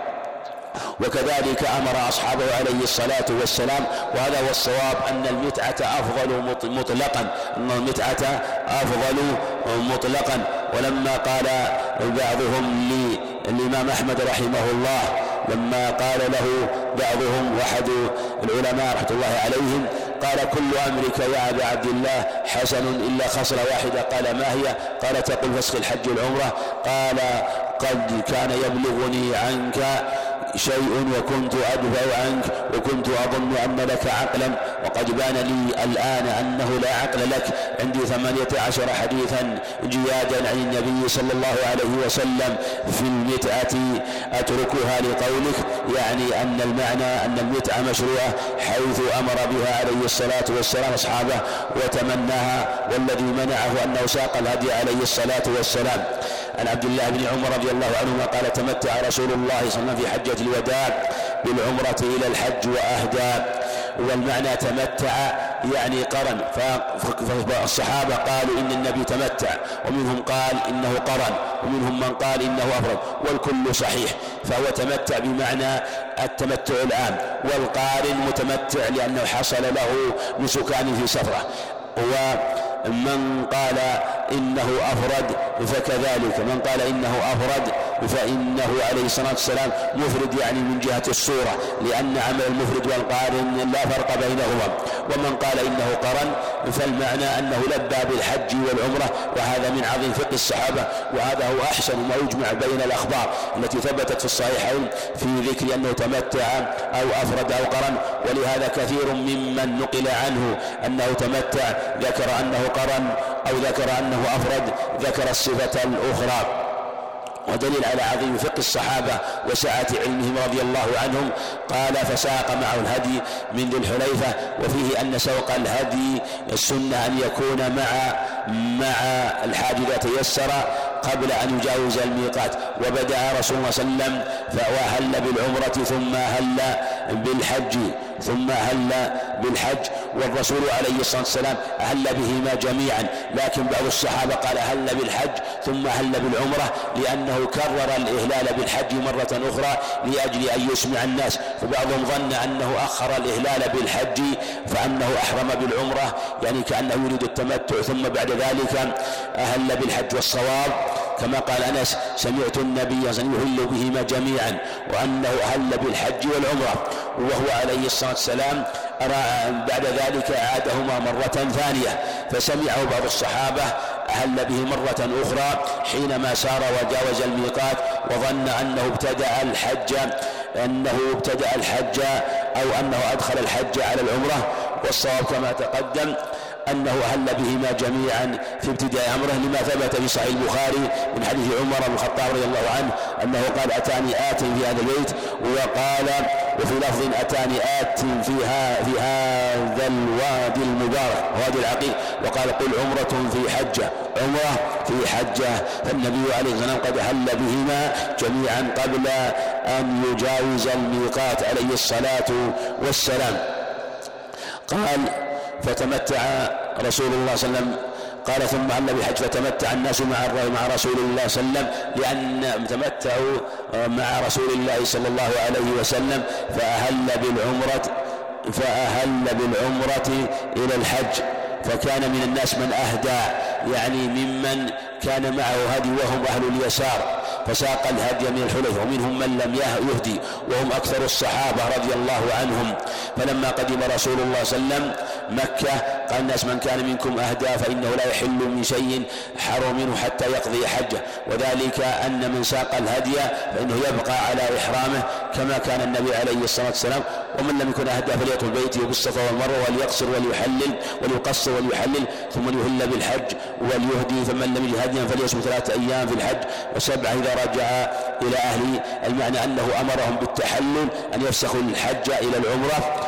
فطاف رسول الله صلى الله عليه وسلم حين قدم مكة. طواف القدوم أيضا طواف القدوم واستلم الركن أول شيء ثم خب ثلاثا. كما تقدم حديث ابن عمر من السبع ومشى أربعا أربعة وركع حين قضى طوافه بالبيت عند المقام ركعتين فقرأ قل والله أحد قل يا الكافرون ثم انصرف فأتى الصفا وطاف بالصفا والمرد سبعة أطواف وهذا طواف العمرة وسائر العمرة ثم لم يحلل من شيء حرم منه حتى قضى حجه يوم النحر ونحر هديه يوم النحر يعني هديه الواجب والمستحب وأفاض فطاف بالبيت وذلك يوم النحر وضحى قبل صلاة الظهر ثم حل من كل شيء حرم منه. وهو جميع محظورات الإحرام بأن رمى عليه الصلاة والسلام ثم نحر ثم حلق ثم طاف عليه الصلاة والسلام وفعل مثل ما فعل رسول الله صلى الله عليه وسلم من أهدى وساق الهدي من الناس وهم قليل من الصحابة رضي الله عنهم علي وطلحة وإلا فأكثرهم لم يكن معهم هدي عن حفصة زوج النبي صلى الله عليه وسلم وهي أم المؤمنين توفيت سنة خمس وأربعين للهجرة رضي الله عنها. أنها قالت يا رسول الله ما شأن الناس حلوا من العمرة ولم تحل أنت من عمرتك؟ فقال إني لبت رأسي وقلدت هدي فلا أحل حتى أنهر وذلك أنه يطول إحرامه فلبد رأسه بشيء حتى لا يتشعث ولا ينتشر.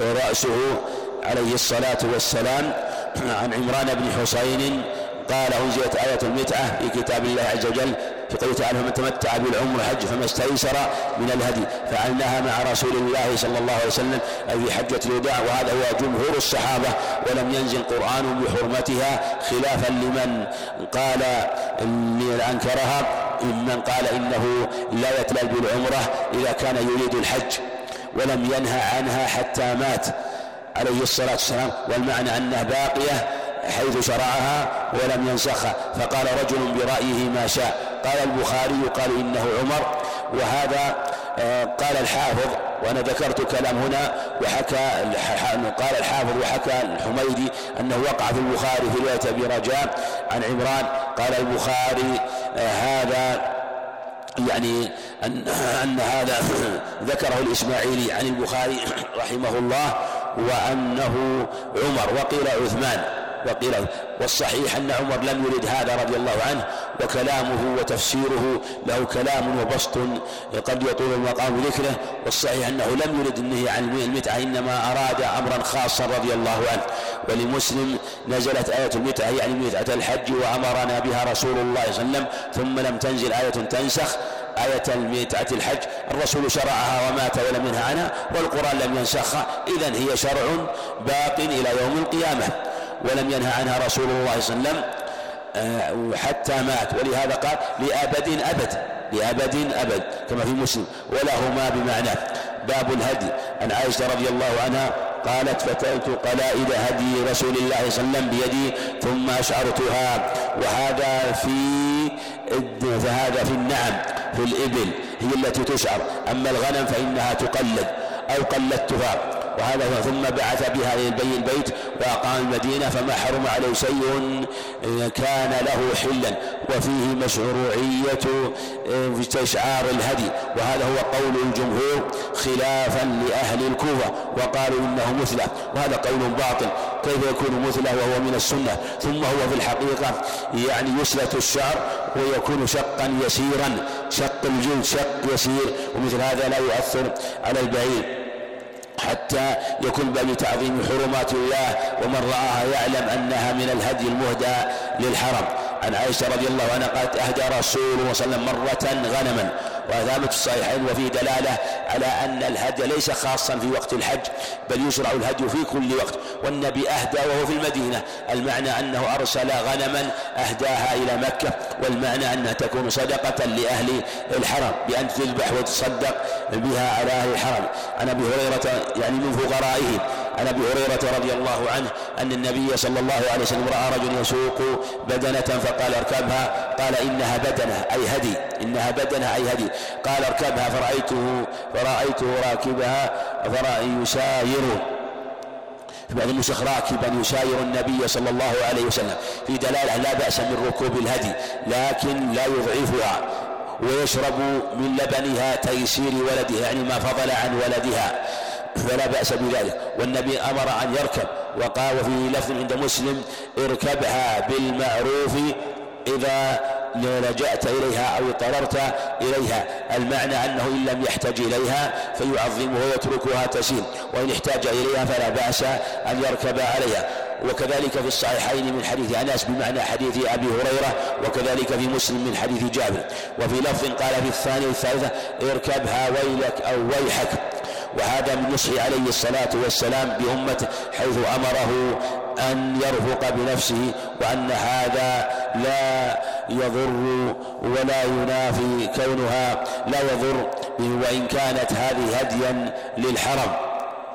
وأن ليس ليس من شرط ما يهدى أن لا يركب. وعن زياد بن جبير قال رأيت ابن عمر رضي الله عنهما قال أتى على رجل قد أناها قد أناخ بدنته فنحرها فقال ابعثها قياما مقيدة سنة محمد صلى الله عليه وسلم. لقوله تعالى فإذا وجبت جنوبها والمعنى أنها تنحر وهي قائمة بمعنى أن تربط أن تقيد يدها اليسرى وتترك قائمة على ثلاث قوائم ثم تنحر نحرا وهي قائمة. ف وأم بخلاف البقر والغنم فإنها تذبح ذبحا وهي جالسة. ولو نحر المذبوح وذبح المنحور لا بأس لقول النبي عليه الصلاة والسلام في حديث رافع بن خديج ما أنهر الدم وذكر اسم الله عليه فكل. والمعنى المحل للمذبوح هو إنهار. الدم وهذا حاصل بالنحر أو الذبح. باب الغسل للمحرم. عن عبد الله بن حنين أن عبد الله بن عباس والمسور بن مخرم اختلفا بالأبواب وهذا مكان بين مكة والمدينة فقال ابن عباس يغسل المحرم رأسه وأنه لا يضر ولو تساقط بعض الشعر. وقال المسور لا يغسل رأسه. قال فأرسلني ابن عباس في دلالة على أن الصحابة رضي الله عنهم كانوا يتجادلون في العلم ولم يكونوا يختلفون اختلافا يفضي إلى النزاع والبغضاء بل كان يزيد إلا مودة ومحبة. لكن كانوا يختلفوا يسندون الأمر إلى أهله وإلى من عنده علم إذا لم يكن عندهم علم بالسنة في هذا. فأرسلني ابن عباس يقول عبد الله بن إلى أبي أيوب إلى أبي أيوب خالد بن زيد الأنصاري رضي الله عنه فوجدته يغتسل بين القرنين يعني عند البئر وهو وهو يستر بثوب فسلمت عليه لأنه لا بأس أن يسلم على من يغتسل بخلاف من يكون في الخلاء. فإنه لا يسلم عليه أو يقضي حاجته. أما من كان يغتسل وهو مستتر فلا بأس ولا يضر. مثله مثلا من يكون في بيت وهو كاشف لعورته لحاجة فسمع من يرد من يسلم فلا بأس أن يرد عليه السلام. فسلمت عليه فقال من هذا؟ فقلت أنا عبد الله بن حنين. أرسلني. وفيه أن الإنسان يعرف بنفسه باسمه. أرسل إليك عبد الله بن عباس سألوك كيف كان رسول يغسل رأسه. وفيه أن ابن عباس كان يعلم السنة ولم يقل هل كان رسول يغسل رأسه بل قال كيف يغسل رأسه؟ وهو محرم. فوضع أبو أيوب يده على الثوب فطعطع رأسه حتى بدا لي لأنه كان مستتر فأظهر رأسه حتى بدا لي رأسه ثم قال الإنسان يصب عليه الماء أصب فصب على رأسه ثم حرك رأسه بيده فأقبل بهما وأدبر مثل من يمسح مثل مسح الرأس في الوضوء. ثم قال هكذا رأيته صلى الله عليه وسلم يغتسل يعني وهو محرم. فثبتت الحجة لابن عباس رضي الله عنه. وفي رواية فقال المسوى لابن عباس لا أماريك أبدا. مثل ما قال مثل ما قال أبو موسى رضي الله عنه. في آه، لابن فيما قال أبو موسى الأشعري رضي الله عنه آه، لما سئل عن مساله فقال لا تسألوني ما دام هذا الحب فيكم. لما سئل عن بنت وبنت ابن وبنت وأخت وبنت ابن فقال بنت النصف وللاخت ما بقي. وسأل ثم سألوا ابن مسعود فقال بنت النصف وبنت الابن السدس والاخت ما باقي فأخبروا مسعود أبا موسى فقال لا تسألوني ما دام هذا الحبر فيكم. يعني عبد الله بن مسعود رضي الله عنه. القرنان العمودان اللذان تشد فيهما الخشبة التي تعلق عليها البكرة الأبواء. بفتح الهمزة وسكون الباء موحد والمد موضع معين بين مكة والمدينة باب فسخ الحج إلى العمرة. عن جابر بن عبد الله رضي الله عنهما قال هل النبي صلى الله عليه وسلم وأصحابه بالحج وليس مع أحد منهم هادي. خير النبي صلى الله عليه وسلم وطلحة. وقدم علي من اليمن وكذلك علي. يعني ذكر هؤلاء الثلاثة وسائرهم لم يكن معهم هدي رضي الله عنهم فقال أهللت بما أهل به النبي عليه الصلاة والسلام. في أنه لا بأس أن يهل الإنسان إهلالا مبهما أو أن يهل إهلالا مقيدا بإهلال شخص. فإذا قال لبيك اللهم لبيك لم ينوي. لو أن إنسان مثلا جاء إلى الميقات وهو لا يعلم أي الأنساك أفضل وينتظر أن يسأل. فأهل عند الميقات ثم آه، لم يعين فلا بأس. فإذا قدم مكة قيل له الأفضل أن تأخذ عمرة. ينوي بقلبه العمرة ثم يطوف ويسعى ويتحل وتكون عمرة. وكذلك لو قال لبيك بما أهل به فلان. لا بأس فإذا علم أن فلان أهل بالعمرة وإذا لم يعلم فلان ولم يمكن يتصل به في هذه الحال له أن يصرفه إلى ما شاء له أن يصل إلى حج. أو إلى عمرة أو إلى حج وعمرة لأنه مطلق فإن وجد ما يقيده وإلا فإنه يقيده بما شاء والأفضل أن يجعله عمرة. قال فأمر النبي صلى الله عليه وسلم يجعلها عمرة كما تقدم فيطوف ثم يقصر ويحل يعني يتحلل بعمرة إلا من كان معه الهدي فقال ننطلق إلى منى. وذكروا أحد ذكروا أحد يقطع فبلغ ذلك النبي صلى الله عليه وسلم فقال لو استقبلت. وهذا هو الذي استنكره الصحابة رضي الله عنهم. ليس أن العمرة لا تجوز في أشهر الحج كما قال بعضهم أن النبي أمر فسخ يبين جواز العمرة في الحج هذا ليس هو المراد لأن النبي عليه قد بين ذلك في عمره لأن عمره كلها كانت الحجة إنما الذي أشكل عليهم والله أعلم هو أنهم ظنوا أن أخذ العمرة في أشهر الحج ويكون بعد حج هذا هو الذي استنكروه. كيف يعتمر الإنسان؟ يحرم. ثم بعد ذلك يتحلل ويأتي أهله وهو سوف يحج. فظنوا أن هذا الأمر لا يجوز. ليس المعنى أنه من أحرم في أشهر الحج ولم يرد الحج فقد علموا جوازه. لكن الذي أشكل عليهم هو العمرة التي يعقب الحج. فعظموا الأمر أن يفصلوا بين الحج والعمرة في نفس العام بتحلل يطع الرجل فيه أهله. فلهذا قال رضي الله عنه كذا وكذلك قال جابر كما في صحيح مسلم يذهب أحدنا إلى منى وذكره يقطر منيا فهذا هو الصواب. وما ذكر بعض العلم وتوارد لكثير من الشراح أنه أمرهم بذلك يبين لهم جواز العمرة في الحج قول ضعيف جدا. وهذا قد بينه النبي عليه الصلاة والسلام في عدة عمر وعمره كلها كما تقدم كلها في ذي الحجة وهي أربع. فقال بلغ ذلك النبي صلى الله عليه وسلم فقال لو استقبلت في تمني الخير بلو وأنه لا بأس بذلك وقد كثرت الأخبار في هذا. لو استقبلت من أمري ما استدبرت ما أهديت ولو يعني وكنت وتحللت آه، ولولا أن معي الهدي لأحللت وحاضت في تمني الخير. وإن كان العلماء اختلفوا هل هو الأفضل حاله عليه الصلاة والسلام أو ما تمناه. وإن اختار تقي الدين أن من ساق الهدي فالأفضل له القران. ولكن على كل حال هو ما اختار الله له في حقه هو الأفضل وبين عليه الصلاة والسلام للناس ما هو الأفضل. وحاضت عائشة رضي الله عنها فنسكت المناسك كلها غير أنها لم تطف بالبيت. قالت يا رسول الله تنطلقون بحجة وعمرة وأنطلق بحج فأمر عبد الرحمن وعائشة طهرت في عرفة رضي الله عنها. طهرت في عرفة كما ثبت في رواية لعلها في صحيح مسلم. فأمر عبد الرحمن بن بكر أن يخرج معها إلى التنعيم فاعتمرت بعد الحج. في دلالة على عدم مشروعية عمرة التنعيم وهو كثير من الناس وذلك أن عبد الرحمن خرج مع عائشة. إلى التنعيم ومع ذلك لم يأمر النبي عليه السلام عبد الرحمن وهو ذاهب معها يطوف ويسعى أن يأخذ عمرة كما تأخذ إنما طيب النبي صلى الله عليه وسلم نفسها بعمرة لما ألحت عليه رضي الله عنها. وعن جابر رضي الله عنه قال قدمنا مع رسول الله صلى الله عليه وسلم وأن نقول لبيك بالحج فأمرنا رسول الله صلى الله عليه وسلم فجعلناها عمرة كما تقدم أن يحل بها. وعن عبد الله بن عباس وهذا الأمر الاستحباب وقيل للوجوب وقيل للتحريم وهذا من العجائب كيف يكون للتحريم؟ مع أنه عليه جماهير الفقهاء والصواب أنه الاستحباب وهذا قول جماهير المحدثين واختاره تقي الدين وقال ابن عباس واختاره العلام القيم إنه على الوجوب.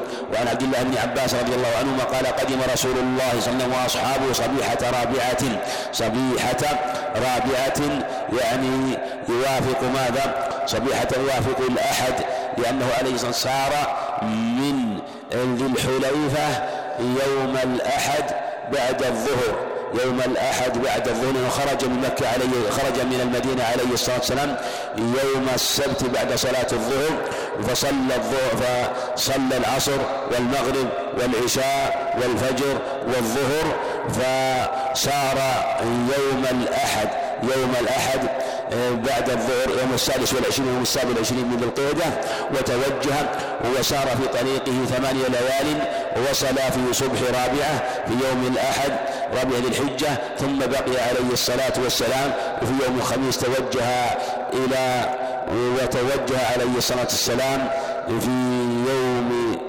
توجه عليه الصلاة والسلام في يوم الخميس إلى منى في يوم الخميس إلى منى ثم بات بها ثم من, الجمعة ذهب إلى عرفة عليه الصلاة والسلام. قال فأمره يجعلها عمرة مثل ما تقل حديث جابر. فقالوا يا رسول أي الحل؟ قال الحل كله كأنه لم يحرم. وعن عروة بن الزبير قال سئل أسامة بن زيد رضي الله عنه صحابي جليل مولى النبي عليه الصلاة والسلام وزوجه زينب في سنة أربع وخمسين للهجرة سنة وفاة أبي موسى الأشعري رضي الله عنه. وأنا جالس كيف كان رسول الله صلى الله عليه وسلم يسير حين دفع يعني من عرفة؟ قال يسير العنق.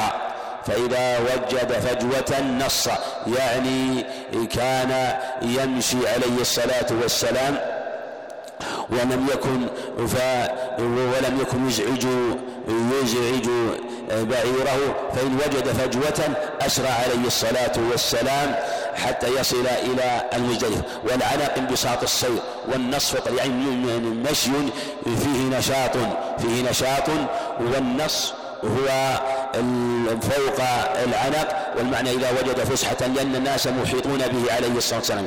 وعن عبد الله بن عمرو رضي الله عنهما أن رسول الله صلى الله عليه وسلم وقف في حجة الوداع فجعلوا يسألونه فقال رجل لم أشعر فقال رجل لم أشعر فحلقت قبل أن قال أذبح ولا حرج. وجاء آخر وقال لم أشعر فنحرت قبل أن أرمي قال ارمي ولا حرج. فما سئل يومئذ عن شيء قدم ولا أخر إلا قال افعل ولا حرج. وثبت هذا المعنى أيضا في الصحيح في الصحيحين من حديث عبد الله بن عباس وأنه عليه الصلاة والسلام كان يقول افعل ولا حرج. وفي أن لا بأس من التقديم هذه الأفعال وأن الحاج يرمي الجمرة ثم ينحر ثم يحلق ثم يطوف. هكذا فعل النبي عليه الصلاة والسلام. أن رمى ثم نحر ثم حلق ثم طاف. فلو أنه فلو أنه مثلا رمى قبل أن يطوف أو فلو طاف قبل أن يرمي أو طاف قبل أن ينحر أو طاف قبل أن يحلق فكل هذا لا بأس به فما سئل عن شيء قدم مؤخر إلا قال افعل ولا وهذا هو الصواب وهو قول الجمهور خلافا لمن قال بوجوب الترتيب. وعن عبد الرحمن بن يزيد النخعي أنه حج مع ابن مسعود فرآه يرمي الجمرة بسبع حصيات فجعل البيت عن يساره من عن يمينه ثم قال هذا مقام الذي أنزلت عليه سورة البقرة في دلالة على أن السنة لمن رمى جمرة العقبة أن يجعل البيت عن يساره ومن عن يمينه. هذا هو الصواب. وما جاء من أنه استقبل القبلة عند الترمذي فرواية ضعيفة من طريق المسعودي عن ابن مسعود. والصواب ما ثبت هنا أنه جعل يساره ومن حيث رماها أجزاء واليوم بعدما أزيل الجبل فإنه ترمى من حيث تيسر. ثم قال هذا مقام الذي أنزلت عليه سورة البقرة لأنه ذكر فيها شيء كثير من أحكام من أحكام الحج. عن عبد الله بن عمر رضي الله عنهما أن رسول الله صلى الله عليه وسلم قال اللهم ارحم المحلقين. اللهم ارحم المحلقين. قالوا والمقصرين. قال اللهم ارحم المحلقين. قالوا المقصرين. يا رسول قال والمقصرين. ثبت أيضا عنه عليه الصلاة والسلام في حديث هريرة أنه دعا للمحلقين ثلاثا وثبت أيضا من حديث ابن الحسين عند مسلم أنه دعا لهم ثلاثا عليه الصلاة والسلام. وجاء عند ابن ماجه بسند حسن حديث ابن عباس قيل يا رسول الله لما ظاهرت للمحلقين؟ قال لأنهم لم يشكوا. واختلف العلماء هل هذا واقع في حجة الوداع أو في الحديبية؟ والصواب أنه وقع فيهما جميعا أنه دعا للمحلقين في الحديبية الذين بادروا إلى الحلق حينما كتب الكتاب عليه الصلاة والسلام وأمرهم أن يتحللوا. وتردد بعض الناس أنهم محرمون وكذلك أيضا حينما أمرهم في حجة الوداع بالتحلل أمرهم عليه الصلاة والسلام إذا طافوا وسعوا أن يتحللوا الحل كله. ولهذا قالوا يذهب احدنا إلى من ذكره يقطر منيا قال نعم فمن بادر كان أولى فلهذا ظاهر لهم عليه الصلاة والسلام وإن كان كل على خير والأفضل الحلق دون التقصير أفضل من التقصير إلا إلا لمن كان لمن كان النسكان في حقه متقاربين. ففي هذه الحالة آه، يكون الأفضل التقصير في حفل العمرة. فلو أن إنسان مثلا قدم مكة قدم مكة واعتمر ولم يبقى على أيام الحج إلا أيام يسيرة مثلا أيام يسيرة. فذهب بعض العلم إلى أن الأفضل في حق التقصير حتى يستبقي الحلق للحج يستبقي الحج للحلقة للحج وهذا موضع اجتهاد من أهل العلم وربما يقيل يبادر لأنه لا يدري هل يدرك الحج أو لا يدرك الحج؟ فيكون قد لقي ربه وهو من المحلقين فيكون أفضل. وعن عائشة رضي الله عنها قالت حججنا مع النبي صلى الله عليه وسلم فأفضنا يوم النحر فحاضت صفية رضي الله عنها فأراد النبي صلى الله عليه وسلم منها ما يريد الرجل من أهله. فقالت يا فقلت يا رسول الله إنها حائض. قال أحابسة هي يعني أنها لم تطف الإفاضة قالوا يا رسول إنها قد أفاضت يوم النحر. قال اخرجوا. فيه دليل على أن الحائض لا وداع عليها. وفيه دليل على أن طواف الوداع ليس من الحج وأن من فرغ من الحج ثم قام بمكة فإنه لا يلزمه أن يوادع في هذه الحال. لأن الوداع ليس من الحج إنما الوداع حينما يريد الإنسان أن يخرج من مكة. وهل يجب الوداع على كل خارج؟ كما هو المذهب واختيار تقي الدين رحمه الله ولو لم يكن في نسك أو لا يجب الوداع إلا على من كان فرغ من النسك أو لا يجب الوداع إلا على الحاج ووضع خلاف ذهب من العلم إلى أنه لا يجب إلا على الحاج دون المعتمر. وهذا هو الذي تدل عليه سنة عليه السلام وإن وادع في العمر أو للعمرة فلا بأس يورود أدلة وإن كانت لا تنهض لكنه أحوط وليس فيما يظهر أنه واجب وفي لفظ لأنه لم يأمر بذلك عليه السلام إلا في الحج ولم ينقل أنه أمر بذلك في عمره في عمره عليه الصلاة والسلام. وفي لفظ قال النبي صلى الله عليه وسلم عقرى حلقة وطافت يوم النهر قيل نعم قال فانفري في هذا لا يراد حقيقته. وهذه كلمات عند العرب يقولونها تربت يداه عقرى حلقة وما أشبه ذلك. من الأمثال التي لا يقصد ولا يراد معناها. عن عبد الله بن عباس رضي الله عنهما قال أمر أمر أمر الناس أن يكون آخر عهدهم بالبيت إلا أنه خفف عن المرأة الحائض. و وفي لفظ أن يكون آخر عهدهم بالبيت. وفي عند أبي داود أن يكون آخر عهد البيت الطواف أن يكون آخر عهد الطواف بالبيت. هذا هو الأصل والقاعدة إلا في حق الحائض والنفساء. عن عبد الله بن عمر رضي الله عنهما آه، قال استأذن العباس بن عبد المطلب رضي الله عنه رسول الله صلى الله عليه وسلم أن يبيت في مكة ليالي يمينا من أجل سقاية الله وفي لفظ رخص رسول الله صلى الله عليه وسلم في الصحيحين للعباس أن يبيت بمكة دلالة على أن من كان له عذر فإنه يترك المبيت. ولا شيء عليه. وفي حديث عاصم بن عدي في أصحاب الماشية حيث رخص لهم عليه الصلاة والسلام أن يرموا يوما ويدعوا يوما لمن احتاج. وفي مثله مثله من كان معه مريض أو من كان معها أطفالها ولا تستطيع أن تبيت فلا مبيت عليها ولا يجب عليها شيء.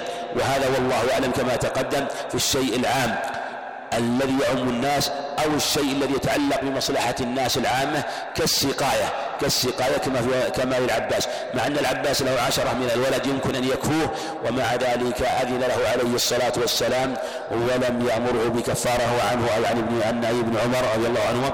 قال جمع النبي صلى الله عليه وسلم بين المغرب والعشاء بجمع بمزدلفة يعني لما وصلها لكل واحدة منهما إقامة ولم يسبح بينهما ولا لإثر واحدة منهما. حديث ابن عمر هذا مضطرب جدا والاضطراب في أن في من نقل في من نقل عنه والصواب في هذا ما ثبت في صحيح مسلم عن جابر رضي الله عنه ومبين أيضا لحديث ابن مسعود وحديث أبي أيوب في هذا الباب آه، وأوفاها وأتمها والذي يفسر الأخبار وهي جابر رضي الله عنه جابر عبد الله رضي الله عنه أنه عليه الصلاة والسلام أذن في المزدلفة أذن ثم صلى المغرب أذن ثم أقام فصلى المغرب ثم أقام فصلى العشاء وهذا هو الواجب للحاج وكذلك لكل مسافر إذا جمع بين الصلاتين أن يؤذن الأولى ويقيم لكل صلاة والله أعلم وصلى الله وسلم وبارك على نبينا محمد.